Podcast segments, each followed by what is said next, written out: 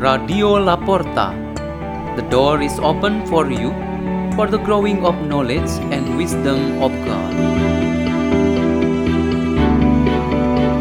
This meditation is delivered by Fransisca Susan from St. Clement Eucharistic Shrine, Boston, USA.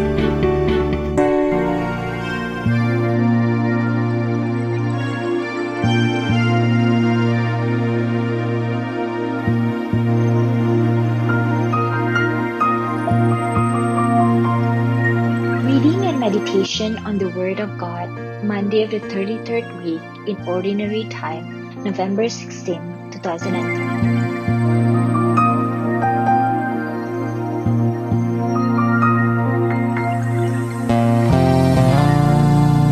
The reading is taken from the Holy Gospel according to Luke.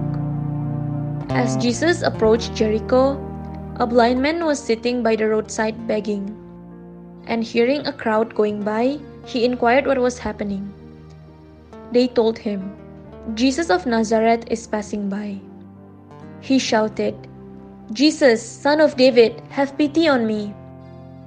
The people walking in front rebuked him, telling him to be silent, but he kept calling out all the more, Son of David, have pity on me. Then Jesus stopped and ordered that he be brought to him. And when he came near, Jesus asked him, What do you want me to do for you? He replied, Lord, please let me see. Jesus told him, Have sight, your faith has saved you. He immediately received his sight and followed him, giving glory to God.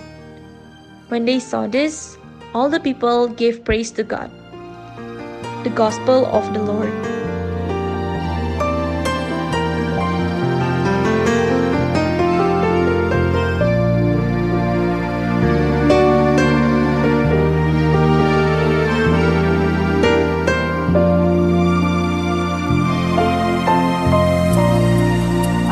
Today has the theme Repentance Gives a New Vision.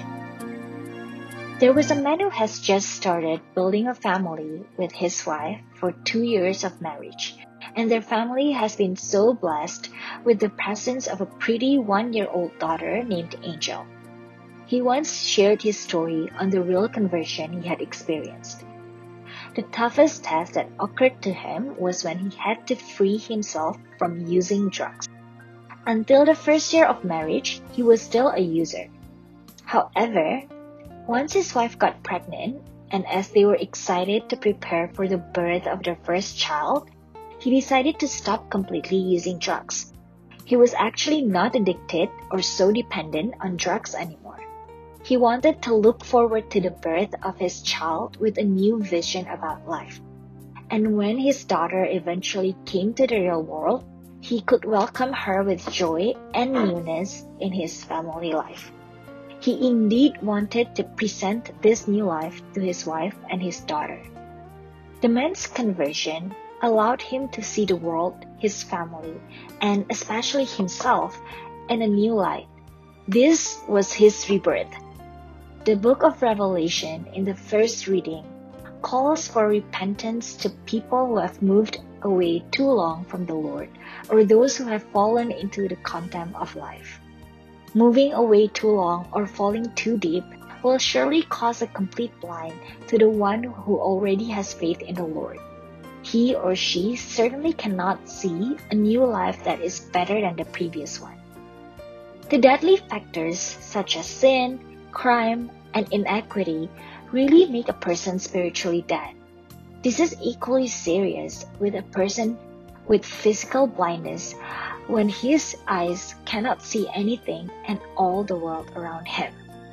The experience of a blind man who was healed by Jesus in today's gospel story clearly shows that at the right time, he eventually received the gift of healing. Then his life after that healing miracle was a real new life. Maybe some people around us are blind, or those who cannot see their own eyes, let them not hesitate to call aloud for God's mercy. The Lord Jesus had indeed shown compassion to them, and so we who are Christ's witnesses in the world should take responsibility to render our care for the blind. However, when it comes to spiritual blindness, we all need to admit it as our common or maybe more severe situation. This type of blindness indeed threatens the fate of our lives. Sin, worldly lifestyle, and pleasure of the flesh are always the main factors that blind us from following the Lord's way and wisdom. There is a prayer suggested to us that goes like this O Lord, may our hearts and minds can always see your glory that affects our lives every day. Let's pray. In the name of the Father, and the Son, and the Holy Spirit. Amen. Father, we pray and ask you to enable us to see with our faith all the signs of your presence. Hail Mary, full of grace, the Lord is with thee. Blessed art thou among women, and blessed is the fruit of thy womb, Jesus. Holy Mary, Mother of God, pray for us sinners, now and at the hour of our death. Amen. In the name of the Father, and the Son, and the Holy Spirit. Amen. Radio La Porta. The door is open for you.